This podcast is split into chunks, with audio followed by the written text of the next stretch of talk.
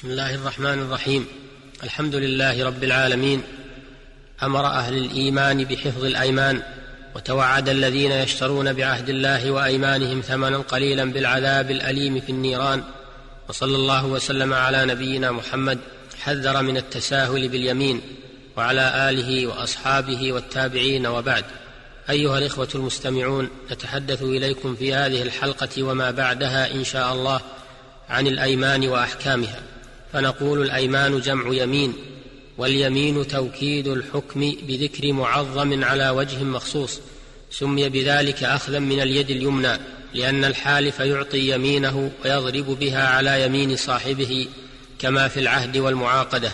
واليمين التي تجب بها الكفارة هي اليمين التي يحلف فيها باسم الله أو بصفة من صفاته كان يقول والله أو وجه الله أو عظمته وكبريائه وجلاله وعزته أو عهده أو أمانته أو إرادته أو يحلف بالقرآن أو بالمصحف والحلف بغير الله تعالى محرم وهو شرك لقوله صلى الله عليه وسلم من كان حالفا فليحلف بالله أو ليصمت متفق عليه.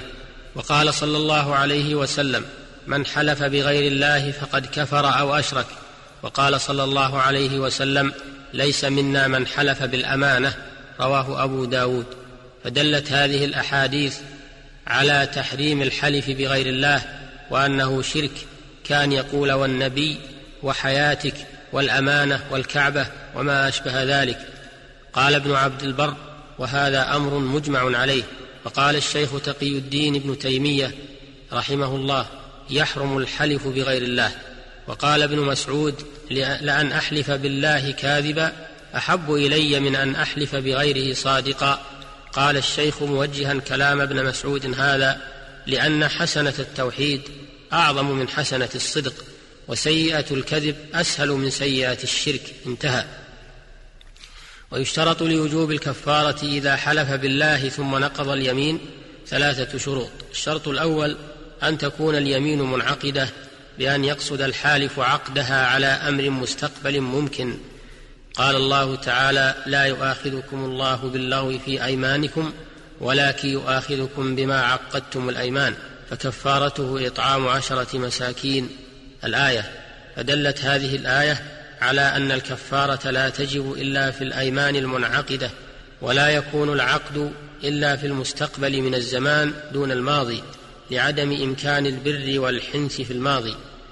لكن إذا حلف على أمر ماض كاذبا متعمدا فهي اليمين الغموس لأنها تغمس في الإثم ثم في النار ولا كفارة فيها لأنها أعظم من أن تكفر وهي من الكبائر.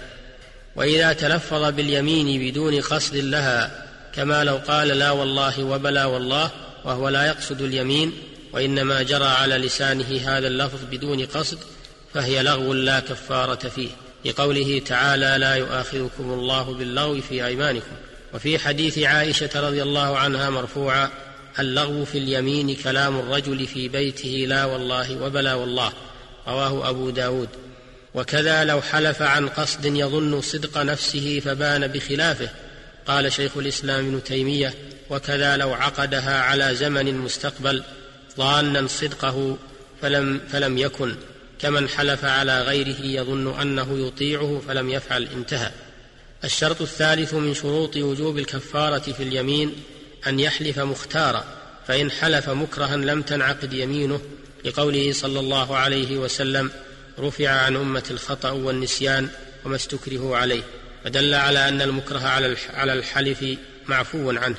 الشرط الثالث من شروط وجوب الكفارة في اليمين أن يحنث فيها بأن يفعل ما حلف على تركه أو يترك ما حلف على فعله مختارا ذاكرا ليمينه فإذا حنث ناسيا ليمينه أو مكرها فلا كفارة عليه لأنه لا إثم عليه لقوله صلى الله عليه وسلم عفي لأمة الخطأ والنسيان وما استكرهوا عليه. وإن استثنى في يمينه كما لو قال والله لا أفعلن كذا إن شاء الله لم يحنث في يمينه إذا نقضها. بشرط أن يقصد الاستثناء. وأن يكون الاستثناء متصلا باليمين لفظا أو حكما لقوله صلى الله عليه وسلم من حلف فقال إن شاء الله لم يحنث رواه أحمد وغيره. فإن لم يقصد الاستثناء بل قصد بقوله إن شاء الله مجرد التبرك بهذا اللفظ أو لم يقل إن شاء الله إلا بعد مضي وقت على انتهاء التلفظ باليمين من غير عذر لم ينفعه هذا الاستثناء. وقيل ينفعه الاستثناء وإن لم يرده إلا بعد الفراغ من اليمين حتى لو قال له بعض الحاضرين قل, قل إن شاء الله نفعه. قال شيخ الإسلام وهذا هو الصواب. ونقض اليمين تارة يكون واجبا وتارة يكون محرما وتارة يكون مباحا. فيجب نقض اليمين إذا حلف على ترك واجب كما لو حلف لا يصلي أو لا يصل رحمه. أو حلف على فعل محرم كما لو حلف لا يشربن خمرا فهنا يجب عليه أن ينقض يمينه ويكفر عنها. وقد يحرم نقض اليمين كما لو حلف على ترك محرم أو فعل واجب فإنه يجب عليه الوفاء باليمين ولا يجوز له نقضها. ويباح نقض اليمين إذا حلف على فعل مباح أو على تركه. قال النبي صلى الله عليه وسلم ما حلفت على يمين فرأيت غيرها خيرا منها إلا أتيت الذي هو خير وكفرت عن يميني. وقال عليه الصلاة والسلام من حلف على يمين فرأى غيرها خيرا منها فليأت الذي هو خير وليكفر عن يمينه. ومن حرم على نفسه شيئا مباحا سوى زوجته كالطعام والشراب واللباس كما لو قال ما أحل الله علي حرام أو قال هذا الطعام حرام علي فإنه لا يحرم عليه فله تناوله ويكون عليه كفارة يمين. لقوله تعالى يا أيها النبي لم تحرم ما أحل الله لك تبتغي مرضات أزواجك؟ إلى قوله تعالى قد فرض الله لكم تحلة أيمانكم أي التكفير عن تحريم الحلال.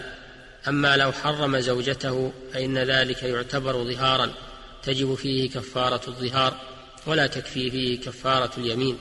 أيها الإخوة المستمعون ومما يجب التنبيه عليه في هذا الباب حكم الحلف بملة غير الإسلام كما لو قال هو يهودي أو نصراني إن فعل كذا وكذا أو إن لم يفعله.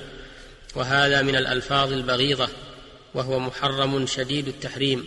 لما في الصحيحين؟ أن النبي صلى الله عليه وسلم قال من حلف على ملة غير الإسلام كاذبا متعمدا فهو كما قال وفي رواية الإمام أحمد من قال إنه بريء من الإسلام فإن كان كاذبا فهو كما قال وإن كان صادقا لم يعد إلى الإسلام سالما. نسأل الله العافية من مقالة السوء ونسأله أن يسدد أقوالنا وأفعالنا ونياتنا إنه قريب مجيب. والسلام عليكم ورحمة الله وبركاته وإلى الحلقة القادمة بإذن الله. والحمد لله رب العالمين وصلى الله وسلم على نبينا محمد وآله وصحبه أجمعين.